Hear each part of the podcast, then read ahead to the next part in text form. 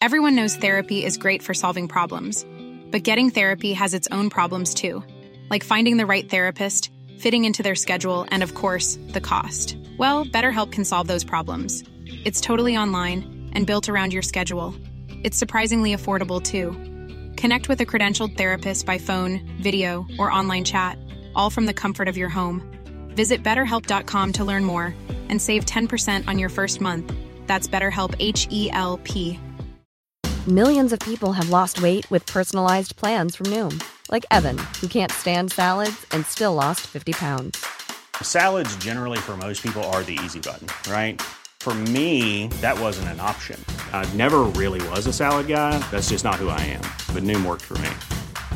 Get your personalized plan today at Noom.com. Real Noom user compensated to provide their story. In four weeks, the typical Noom user can expect to lose one to two pounds per week. Individual results may vary.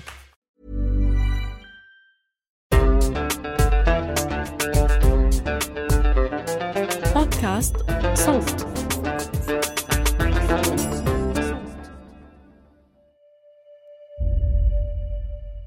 بشتاء سنة 1605 صار شيء غريب.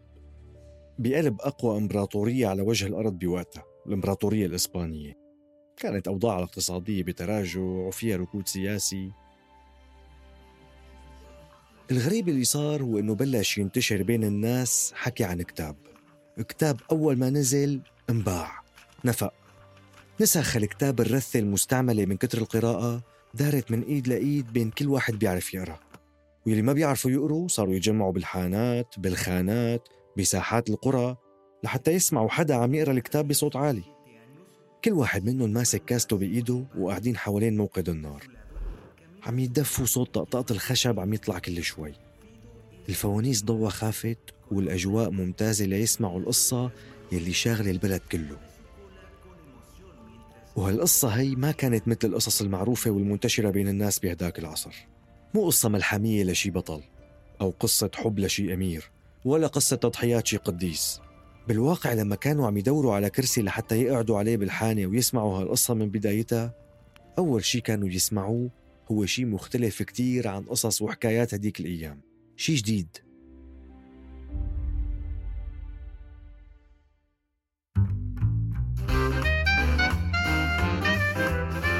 شو رايكم يا شباب؟ نسميه من بيت؟ لا بالمرة سميه شجرة حبيبي من بيت يا شباب وين فكر حالك حول ولا بالله. معك حق. مزبوط بس لا ليش حتى أنت يا شباب رأيك؟ عم افتح؟ المعجم؟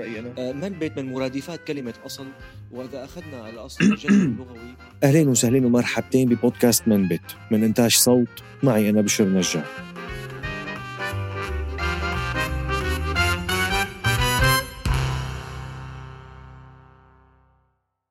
بتقول البداية في مقاطعة إسبانية تدعى لامانتشا كان يعيش منذ زمن بعيد نبيل ممن يملكون رمحا في مسند الأسلحة ودرقة عتيقة وحصانا هزيلا وبعض كلاب الصيد.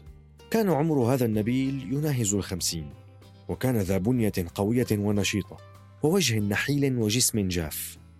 وقد تعود النهوض مبكرا وأولع بالصيد. اسمه ألونسو كيخانو. في الأيام التي لم يكن هذا النبيل يعلم ما يفعل بها وكان ذلك يستغرق على الأقل ثلاثة أرباع السنة كان يقبل على قراءة كتب الفروسية بكثير من الولع واللذة حتى نسي كليا الصيد والعناية بأعماله. بلغ به الأمر حدا من العناد باع معه عدة قطع من الأرض الزراعية ليشتري روايات ملأ بها بيته. وبالاختصار انكب نبيل انكبابا شديدا على قراءاته. فكان يقضي فيها أيامه ولياليه. ولفرط ما قرأ وسهر جف دماغه وفقد قدرته على المحاكمة. امتلأ خياله بالقصص الفارغة التي قرأها. قصص السحر والخصومات والتحدي والقتال والمعارك والجراح والعشق والشكوى الغراميه والعذاب والآلام وغير ذلك من الهوس والشطط. انطبع في عقله كل ما قرأه في هذه الروايات. حتى خيل إليه أنه ليس في العالم قصة أكثر واقعية منه. اضطرب عقله وداعبت خياله أغرب فكرة تصورها مجنون. خيل إليه أن أفضل ما يمكن أن يفعله لخير دولته ولمجده نفسه هو أن يصبح فارسا جوالا وأن يسيح في الأرض بحثا عن المغامرات ليزيل جميع أنواع المظالم معرضا نفسه لشتى المخاطر فيبلغ بذلك المجد الخالد. أول ما فعله هو صقل السلاح الذي ورثه عن والد جده بعد أن أكله الصدأ زمنا طويلا في زاوية من البيت. فنظفه وأصلح ما أمكن الإصلاح. لكنه عندما رأى الخوذة ناقصة ولم يبق منها سوى غطاء الجمجمه استخدم الكرتون بمهارة وربط بعضه ببعض وجعل منه خوذة أو على الأقل مظهر الخوذة. فكر بعد ذلك في حصانه. ومع أن هذا الحيوان المسكين لم يبق منه سوى الجلد والعظام إلا أنه بدا له في حالة حسنة جدا بحيث لم يكن ليبادله بجواد الإسكندر. وظل أربعة أيام يبحث عن الاسم الذي سيطلقه عليه. إذ ليس من المعقول كما كان يقول في نفسه ألا يكون لحصان فارس مشهور اسم يعرفه الناس جميعا. ولذلك حاول أن يجد له اسما يبين كيف كان الحصان قبل أن يكون حصان الفارس الجوال وكيف صار بعد ذلك.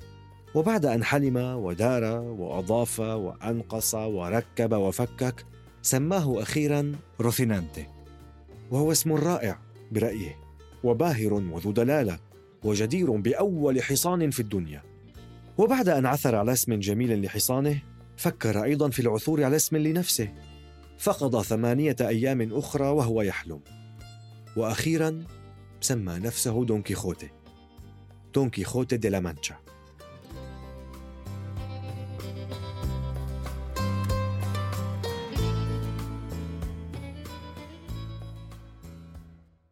هي بداية رواية تصنف من أجمل وأهم الروايات بالتاريخ الإنساني رواية للكاتب الإسباني ميغيل دي ثيربانتس أهم روائي بتاريخ إسبانيا. ثيربانتس ألف ونشر رواية دون كيخوتي أو دون كيشوت على جزئين الأول سنة 1605 والثاني سنة 1614 وهالرواية بجزئيها بيعتبروها النقاد أول رواية عظيمة بالموروث الغربي الأدبي. رواية مليانة معاني عميقة وبنفس الوقت دمها خفيف مضحكة عن جد. سخرية من رومانسية الفرسان يلي هو نمط كتابي كان موجود وسائد حتى تلك الفترة بإسبانيا وبأوروبا الغربية عموما. اسمه chivalric romance أو بالفرنسي roman de chevalerie كما هو متعارف عليه. نمطه بيحكي عن بطولات الفرسان وتضحياتهم وقصص حبهم وصراعاتهم والشجاعة والفروسية والقتال. معركة ضد وحش من هون قتالة مع تنين من هونيك في سبيل إنقاذ الأميرة. روايات رومانسية. ممكن تكون متأثرة مثل ما حكيت بحلقة سيرة بني هلال بسير الفرسان العرب اللي وصلت لأوروبا عن طريق الأندلس وحركة الترجمة من العربية للغات الأوروبية بهداك العصر. أما ثيربانتس فإجا برواية دون كيخوتي وأسس لنوع روايات جديدة كليا. الرواية البيكاريسكية picaresque novel roman picaresque بترجموها للعربي للرواية الشطارية أو الرواية الصعلوكية. هالنوع طلع من إسبانيا بالقرن ال16 وبداية ال17 وانتشر بأوروبا الغربية لقرنين لقدام. بيحكي عن قصص الناس البسيطين العاديين من الطبقات الدنيا بالمجتمع والشطار الحربية اللي بيعاركوا الدنيا مو الفرسان اللي أمورهم بخير أصلا. بتحكي عن الدراويش بنشوف قصتهم عن طريق سرد سيرتهم مثل صاحبنا دون كيخوتي. قال في نفسه إذا ما عرض لسوء الحظ أو لحسن الحظ عملاق كما يقع في الغالب للفرسان الجوالين وإذا ما صرعته بضربة واحدة أو قطعته بالسيف نصفين وانتصرت عليه أفلا يكون من المستحسن أن أجد من أهديه هذا الانتصار؟ إذ يذهب العملاق ليلتقي سيدتي فيجثو أمامها ويقول لها بصوت متذلل مفعم بالاحترام سيدتي أنا عملاق كاراكوليامبرو سيد جزيرة مالندراني وقد غلبني في القتال الفردي الفارس الذي لا يقهر والذي لا يفيه حقه المدح وإن طال. دون كيخوتي دي لا مانشا كل هالأسماء والعمالقة طبعا من وحي خيال دون كيشوت اللي مثل ما بتقول الرواية قرا روايات عن الفرسان الجوالين والأبطال ومغامراتهم لحتى جن. وقرر هو كمان يصير فارس جوال. وطبعا كفارس لابد له من سيدة يعشقها ويكتب فيها الأشعار ويحارب الصعاب مشانها وكم كان فرحه عظيما عندما عثر على تلك التي ستكون سيدة قلبه. كانت في أغلب الظن فلاحة في غاية الجمال ابنة فلاح من قرية ما. أغرم بها دون أن تكون على علم بذلك ودون أن تكترث له. كانت تدعى ألونزا لورينسو وهي التي جعلها منذ إذن سيدة أفكاره إلى الأبد. ثم فتش لها عن اسم لا يقل نبلا عن اسمه واسم حصانه. ويكون فيه شيء من أسماء الأميرات فسماها دولثينيا دي توبوزو لأنها كانت من توبوزو. وهالدولثينيا يا حبايب قلبي رح يحارب الدنيا كلها من وجهة نظره طبعا لحتى يثبت للناس كلهم ويخليهم يعترفوا إن هي أجمل نساء الأرض. وبضل بيتغزل فيها على طول الرواية بجزئيها. بس بالحقيقة هي ما لها أصلا أي دور مباشر ولا مؤثر بالرواية. هي من ضروب جنون دون كيخوتي. اخترعها مشان تكمل فنة الفارس والفروسية والعشق والهيام. المهم هالدون كيشوت دون كيخوتي رح ضل بدل بين الأسماء معلش تحملوني لأنه ما بعرف اثبت على النسخة الإسبانية القديمة اللي كانت تنلفظ كيشوتي ومنها الفرنسية كيشوت ولا الإسبانية الأحدث اللي هي كيخوتي ومنها الإنجليزي كيوتي. المهم هالدون كيشوت بتذكر إنه هو ما حدا نصبه فارس يعني ما حدا عطاه حق الفروسية. فطلع على روسينانتي حصانه ومشي برا القرية. هيك لحتى وصل على النزل هذا بيجي مثل الخان من زمان عنا. في نومة واسطبل للدواب وأكل وشرب. بس دون كيشوت كيف شاف هالنزل البسيط هاد؟ شافه قصر. دق الباب فتحوا له بنتين بائعات هوا بيضلوا بهذا النزل هو فكرهم سيدتين من سيدات القصر. ما علينا. فوتوا عند صاحب النزل عم فكروا سيد القصر. وبعد أخذ ورد قال له يا سيد القصر بدي تكرسني كفارس. انت سيد القصر ومن علية القوم بحق لك يعني. صاحب النزل فتح تمه واستغرب شو بده هاد؟ شو قصره فارس؟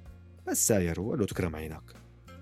بالعادة قبل التكريس كفارس لازم الرجل يضل ليلة كاملة عم يتأمل وتاني يوم يتم الموضوع. بس بما أنه صاحب النزل شايف أنه دون كيشوت مجنون وعقلاته على قدهم قال له روح ساعتين زمان تأمل وتعا. وفعلا إجا وكرسوا فارس. ومن يومها خلص اعتبر حاله دون كيخوتي فارس لا يشق له غبار. فارس جوال مثل ما بيسموه بضل يدور على مغامرات لحتى ينشر هالأخلاق والقيم الجميلة قيم الفروسية ويثبت أنه محبوبته دولثينيا هي أجمل سيدات الأرض Everyone knows therapy is great for solving problems, but getting therapy has its own problems too, like finding the right therapist, fitting into their schedule, and of course, the cost. Well, BetterHelp can solve those problems. It's totally online and built around your schedule. It's surprisingly affordable too. Connect with a credentialed therapist by phone, video, or online chat, all from the comfort of your home. Visit betterhelp.com to learn more and save 10% on your first month. That's BetterHelp H E L P. Burrow is a furniture company known for timeless design and thoughtful construction and free shipping, and that extends to their outdoor collection. Their outdoor furniture is built to withstand the elements, featuring rust-proof stainless steel hardware, weather-ready teak, and quick-dry foam cushions. For Memorial Day, get 15% off your Burrow purchase at burrow.com slash ACAST and up to 25% off outdoor. That's up to 25% off outdoor furniture at burrow.com slash ACAST. اجى ليطلع من النزل قال له صاحبه لك لوين؟ وين المصاري؟ ما بدك تدفع اللي اكلته والنوم اللي نمتها؟ قال له لا لا انا فارس جوال وما بيصير تطالبني يكفيك شرفا إني أجيت لعندك بعدين أنت سيد قصر شو الحكي هاد؟ وين كرم الضيافة؟ وين تقدير الفرسان؟ صاحب النزل شافه مجنون قام تركه ورجع دون كيشوت وهو حامل رمحه القديم ودرعه المهلهل وخوذته على راسه وما حدا قده فارس جوال مهم على الطريق تعرض لمجموعة من الرجال طقت براسه إنه يواجههم ويقول إنه لازم يعترفوا إنه دولفينيا هي أجمل نساء الأرض عرفوا إنه مجنون اخذوه على قد عقله بس ضل هو يشتغل فيهم يقول لا بدكم تعترفوا استفزهم. كلهم تحملوه إلا في واحد منهم ما تحمل. هجم عليه وأخذ الرمح تبعه وكسره وضربه فيه وعمل له بدن مرتب. قتله يعني. رجع المسكين دون كيشوت على قريته وشافته بنت أخوه اللي عايشة معه. وشافوا كمان كاهن القرية والحلاق تبع القرية. عصبوا منه. لك شو هالجنون اللي صابه هاد؟ كله من هالروايات اللي بيقراها. فقرروا يحرقوا كل الكتب اللي عنده من وراه ولما سألهم وين الكتب؟ قالوا له هذا اجى ساحر ما بنتذكر شو اسمه حرق لك ياهن بسبب عداوته معك. قال لهم مزبوط إيه مزبوط مزبوط عرفته هذا الساحر عدوي لدود بيحقد علي حقد مميت بس أنا عندي مهمة مقدسة ولازم كمل فيها. وقرر يرجع يكمل مغامراته كفارس جوال. بس كان محتاج شيء تاني. مرافق له كما اقتضت العادة على الفرسان الجوالين. لتكتمل كرستة الفارس الجوال. يعني إكسسوارات الفارس الجوال تصير جاهزة معه كلياتها. لازم يكون معه مرافق. وهون بيجي دور الشخصية الرئيسية الثانية بالرواية إلى جانب دون كيخوتي وهي الفلاح البسيط سانشو بانثا. سانشو هذا شخصية كتير ظريفة ورح نفهم أكثر دورها بالرواية وليش دخلها الكاتب وخلاها تكون مرافق للشخصية الرئيسية خلال الحلقة. دون كيشوت قال له لسانشو تعا معي. كون مرافقي ولا تخاف من شي. رح تربح كتير ما رح تخسر شي. ووعده إنه يعطيه جزيرة يحكمها. سانشو كان شخص مسالم وبسيط وواقعي. بس قدر دون كيشوت يلعب بعقلاته ويخليه يترك مرته وولاده ويروح معه بهالمغامرة. ركب على حماره ومشي مع دون كيشوت اللي ما كان مسرور كتير إنه مرافقه يكون على حمار. بس بما إنه ما في حلول تانية معلش بيبقى بيلاقي له شي حصان مفتخر بعدين. انطلقوا الاثنين. واحد عم يحلم بالمغامرات والمجد ودولفينيا والتاني مو مصدق إمتى يصير عنده جزيرة يحكمها. وهون بتبلش القصص الأكثر شهرة بهالرواية. مغامرات كتيرة بتصير معهم بنفهم عن طريقة أكثر شخصية الاثنين والاختلاف بيناتهم. بيتفاعلوا معها وبيتفاعلوا مع بعض. ورسائل الرواية بتجي عن طريق العلاقة بيناتهم وبينهم وبين الشخصيات الثانية. المواقف والشخصيات الثانوية اللي بتصنع القصص كتيرة. كل شي عادي بيواجهه دون كيخوتي بيعملوا شي عظيم شي أسطوري. مهمة رهيبة ألقيت على عاتقه. فعلا أي شي. والنتيجة هي إنه يا ما بيأذي حاله يا بيأذي حدا معه بدون ما يحقق شي بالواقع. بالكتاب الأول لحاله بيصير معه حوالي الأربعين قصة أربعين مغامرة. وأشهرها على الإطلاق هي لما كانوا ماشيين هو وسانشو بحقل بيقوم سانشو بيشوف من بعيد كم طاحونة هوا. طواحين هوا عادية. بس طبعا دون كيشوت بيشوفهم بشكل مختلف. وهو أصلا عم يدور على مغامرات وقصص بطولة. بيقوم بيشوف طواحين على أنهم عمالقة. بينكش حصانه بيبلش يركض باتجاههم. وحامل بإيده رمحه التعبان. بيهجم عليهم وهو عم يصرخ بده يطعن العملاق برمحه. بيشوف المراوح اللي عم تدور تبع الطاحونة على أن إيدين العملاق. إن القدر يقودنا خيرا مما كنا نأمل يا صديقي سانشو. هل ترى جماعة العمالقة الضخام تلك؟ إنني أنوي قتالهم والفتك بهم. أجاب سانشو احترس يا سيدي فما تراه هناك ليس عمالقة وإنما طواحين هواء وما تظنه أذرعا إنما هو أجنحة الطواحين التي يحركها الريح ليدير الطواحين. ما بيسمع كلمته. بيقرب منه بيضرب العملاق على إيده بيقوم العملاق بيمسكه بيرفعه لفوق وبيدور فيه. وسانشو شايفه من بعيد كيف فوت الرمح بين خشبات مروحة الطاحونة قام علق فيها ورفعته معها وهي عم تدور. وارتفع دون كيشوت عن الأرض ودار وارتمى ووقع وقعة قوية. ركض لعنده سانشو ليساعده. دون كيشوت بهاللحظة فهم إنه يلي رماه هو طاحونة هوا مو عملاق. بيقول له شايف يا سانشو؟ شفت شو عملوا السحرة والمشعوذين؟ حولوا العمالقة لطواحين هوا. سانشو بيقول لحاله شو هالفارس اللي عم يخدمه هاد؟ بس بيقرر يكمل معه ليشوف شو ممكن يصير. وكمان كان موعود بجزيرة يحكمها. ولو هالفارس شكله مجنون بس مو مشكلة. وبينتقلوا على الطريق من قصة لقصة هن الاثنين شي دون كيشوت بيشوف غبار من بعيد فبيتخيل قطيع خرفان على إنه جيش من المغاربيين وبيهجم عليهم وبينتصر. لك يا حبيبي هدول خواريف هيك شافهم سانشو بس يأبى دون كيشوت إلا أنه يشوفهم فرسان وتأبى الفروسية إلا أنه يدافع عن بلده ويصدهم. شي مرة مثلا بينقذ مجموعة محابيس آخدينهم جنود بالغابة على السجن. شي مرة بيهجم على حلاق مارق بالطريق تحت المطر لأنه كان حاطط على رأسه طاسة نحاس الطاسة كانوا يحطوها تحت الدقن مشان الحلاقة وغسيل الدقن والشعر. شكلها بيشبه الطاقية شوي. إيه قال دون كيخوتي إنه هي خوذة مامبران الذهبية. الحلاق كان راكب على حمار. دون كيشوت شافه راكب على حصان أشهب. هجم عليه وخلصه الخوذة. وحط على رأسه وقال لك أخي هي خوذة ذهبية بدك مين يفهم بالخوذ؟ وتتالت القصص من قصة لقصة. هيك لحتى خدعوه كم واحد من أهل قريته ورجعوه على البيت. وهون بيخلص الجزء الأول.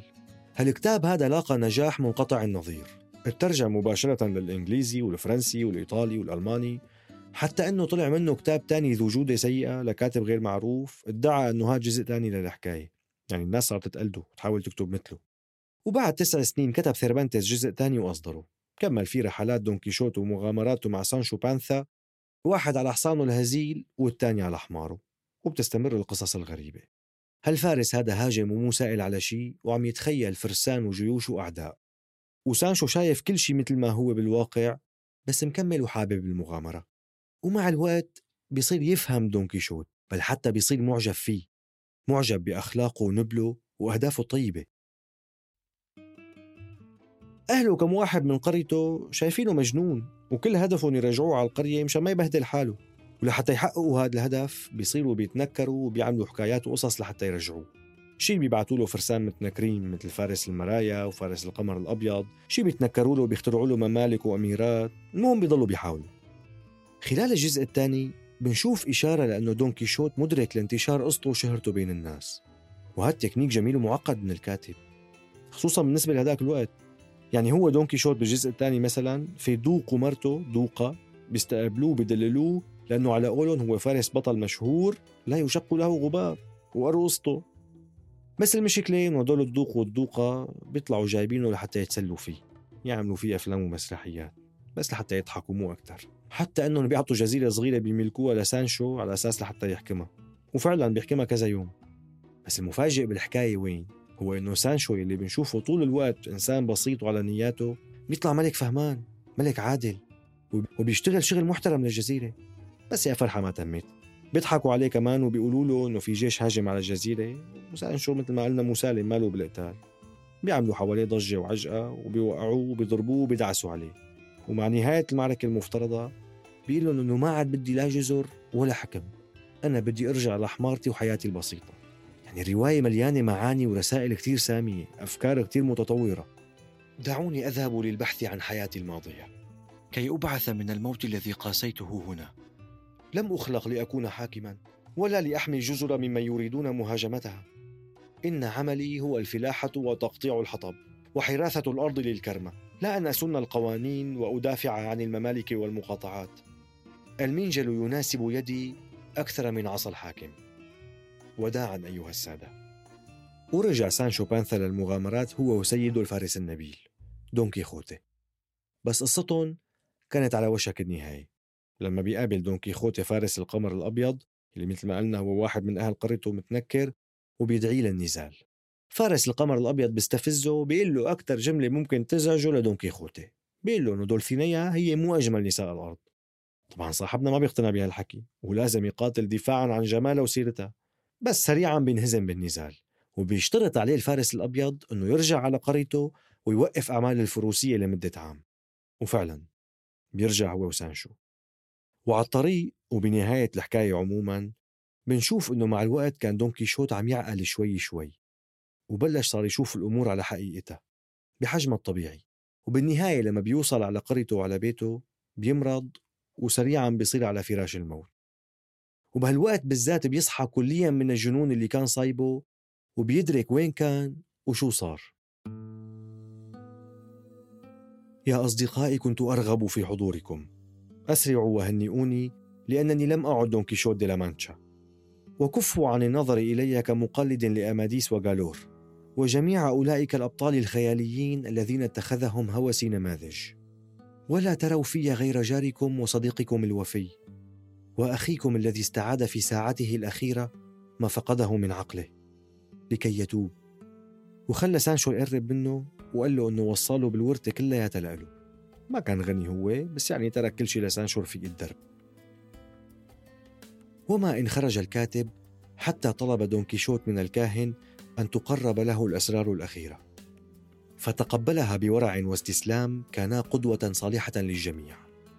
وفي المساء اعتراه ضعف شديد فأسلم الروح إلى الله. وهيك مات فارسنا النبيل المجنون العائل. وخلصت قصته مع الخيال والفروسية والعشق وقتال طواحين الهوى طبعا أنا كنت مضطر كتير أختصر لكم الحكاية لتأخذوا فكرة عنا وعن الشخصية.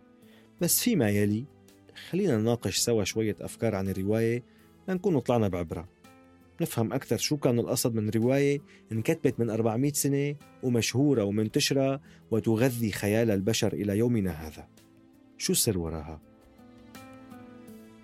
من أهم الأفكار اللي بتعطينا إياها الرواية هي رؤية الحياة والعالم بعينتين عين دون كيخوتي وعين سانشو بانثا من وجهة نظر الفارس المجنون يلي بيشوف طواحين الهوى عمالقة بده يحاربهم أي موقف بيصير معه بيفسره على أنه شيء أسطوري بمسيرته كفارس جوال عنده تضخيم للواقع. ما له عايش بعالمنا العادي البسيط. الأعداء من وجهة نظره هن فرسان وسحرة وعمالقة. بس بالواقع عدوه هو الواقع. التفاصيل المملة المعتادة اللي بنعيشها. مثل إنه يومك مثل امبارح مثل بكرة. ما بيصير في أي شيء مثير للاهتمام. ما بتحس حالك عم تغير الكون وتحارب الشر وأفعالك معروفة بين الناس. لا. يومنا عادي بسيط ممل هادي. دون كيخوتي بده يعيد تشكيل العالم بصورته من وجهة نظره. بده يعيد تعريف الدنيا وقيمها ويعيد تعريف الخطأ والصواب. وهون مصدر معظم المواقف المضحكة اللي بتصير معه هو مرافقه سانشو اللي بيشوف الدنيا بشكلها الواقعي بيشوف الأمور بحجمها الطبيعي بمللها وبساطتها وتكرارها ورتابتها. وصحيح دون كيخوتي هو شخص مجنون يمكن وبعيد عن الواقعية بس بنفس الوقت هو شخص طيب وصادق وبيحمى دمه فبنلاقي أشياء ذات مغزى أخلاقي بتصرفاته. يعني هو بشكل من الأشكال بطل بيمثل الجانب المثالي بكل واحد فينا النبل فينا. العالم لازم يكون بالنسبة له مثل ما لازم يكون. أما سانشو فبيمثل الجانب الحذر العقلاني العادي بشخصياتنا. عنده مشاعر قليلة بس واضحة وواقعية. بيشوف العالم على حقيقته. مو رائع بس متوقع ومفهوم نوعا ما. هو صوت العقل بالرواية. الحيوانات مثلا اللي بيركبوها الاثنين بتعبر عن شخصياتهم. الحصان النحيل الختيار اللي عم يعاني بس دون كيخوتي بيشوفوا أجمل وأقوى وأهم حصان. أما سانشو يلي شكله مثل ما بتوصفه الرواية قصير وسمين فبيركب على حمار سمين وبليد مثله وبيشوف حماره حمار سمين لأنه هو فعلا حمار سمين. هو عم يشوف الواقع والحقيقة. بس رسالة الرواية كلياتها هو إنه الحياة هي مو فقط إنه نكون على حق في لها جوانب تانية. من جماليات الرواية هي إنها بتحكي عن الناس البسيطين العاديين. ما بتحكي بس عن الخيال والجنون. فيها رسائل عن الطبقية عن الفرق بين الفقراء والأغنياء بين الشعب وأصحاب السلطة. تعكس بشكل عام حالة المجتمع الإسباني يلي كان عم يتغير بهذيك الفترة. فترة ما بعد السيطرة على أمريكا اللاتينية وفورة الذهب والفضة اللي جابوها من هنيك والتضخم الكبير اللي أصاب الاقتصاد الإسباني وبداية تراجع الإمبراطورية الضخمة. فترة ما بعد نهاية الأندلس المسلمة يلي أثرها كان لسه كتير واضح بالحياة العامة وبالرواية. لأنه لما طلعت الرواية كان يا دوب مارق أكثر من 100 سنة بشوي على خروج المسلمين من غرناطة سنة 1492 وخلال أحداث الرواية بتم ذكر أسماء عربية وأندلسية وأسماء مدن كتير. يعني في إشارات عربية وأندلسية كتيرة بالرواية. بتم الإشارة بكتير مواضع إلى تمازج الثقافتين العربية الإسلامية الأندلسية والإسبانية. هذا الشيء كان طبيعي بوقتها. أثر 800 سنة ما رح يختفي فجأة. بينحكى عن الموريسكيين مثلا اللي هن الأندلسيين وعن أفكارهم وفلسفتهم بل أكثر من ذلك بداخل الرواية ثيربانتس نفسه الكاتب بينسب الرواية إلى شخص أندلسي اسمه سيدي حامد بن الإنجيلي. هالحكي من خلال الرواية يعني الرواية بتقول إنه قصة دون كيشوت من تأليف سيدي حامد. هلأ ما بعرف شو التفسير. هل بالنسبة له نسب الرواية لحدا أندلسي بيعطيها صورة أنها أفضل ولا الموضوع في تفسير تاني؟ هل هي سخرية ولا هل هي إشارة للأثر الأندلسي الإسلامي على تفكير الإسبان بهديك الفترة؟ بالمهم استخدام ثيربانتس للعنصر العربي بكثرة بالرواية دليل واضح على أثر الوجود العربي على العقل الإسباني والثقافة الإسبانية بهداك الوقت. حتى استعارته واستيحائه من قصص عربية وأمثال وأشعار عربية وتأثره فيها بالكتابة كان واضح. مثل ما كانوا يعملوا الكتاب بفترة الرواية الفروسية قبله يلي كانوا يترجموا عن العربي ولغات تانية. بشكل عام ثيربانتس ودون كيخوت كتير محتفى فيهم بإسبانيا.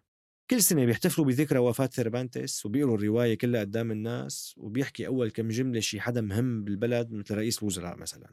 وفي أفلام كرتون كتيرة عنه حتى أنه في حلقة جريندايزر بالنسخة الفرنسية اسمها دون كيشوت ولك حتى في غنية لخوليو إغليسياس عنه.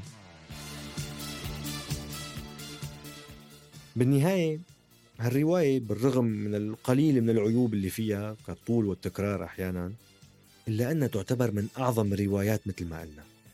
تطرح أسئلة لا تزال كتير ملحة ومرتبطة بحياتنا اليومية وواقعنا. هل كان دون كيخوتي مجنون كليا؟ ولا هو رمز لأخلاق النبل والفروسية والطيبة والصدق؟ لحق حلمه بجرأة. حلم ملاحقة دولفينية كان مجنون بس زاهد. ما بينتبه للأكل والشرب والجسد. شخص تقريبا روحاني.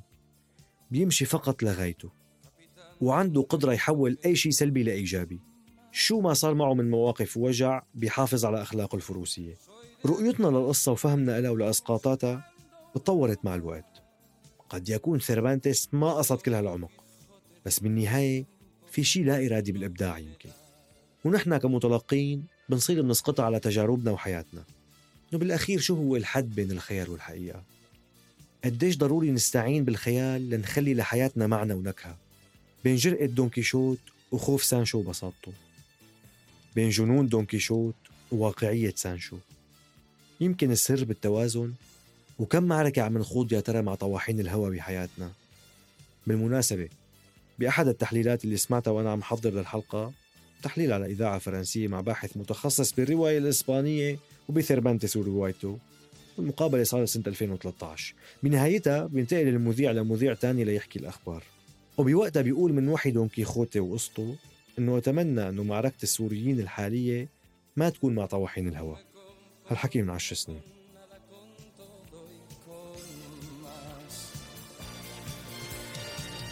Tengo miedo del tiempo que fácil se va.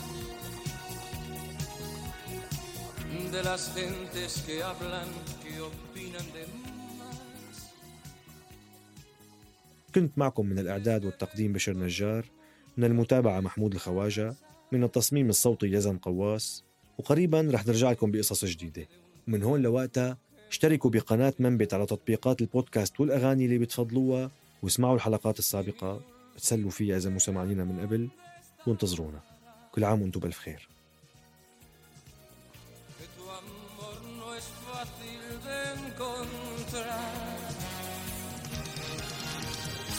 severte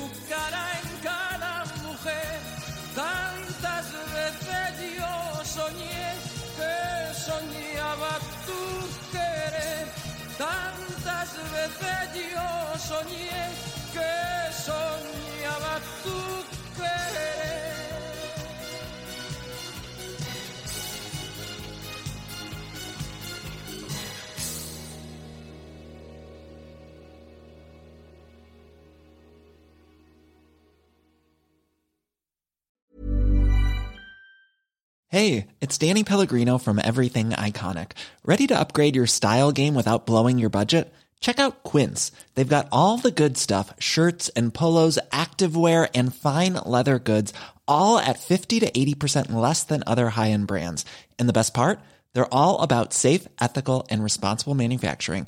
Get that luxury vibe without the luxury price tag. Hit up quince.com slash upgrade for free shipping and 365 day returns on your next order. That's quince.com slash upgrade.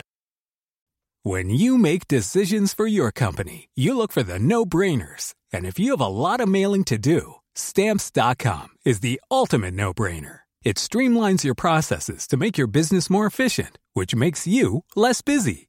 Mail checks, invoices, legal documents, and everything you need to keep your business running with Stamps.com.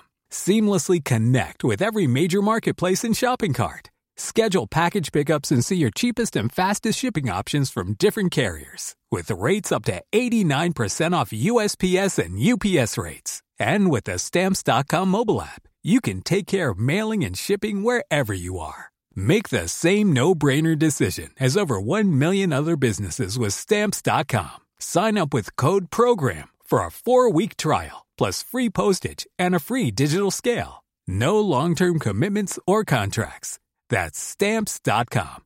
Code program.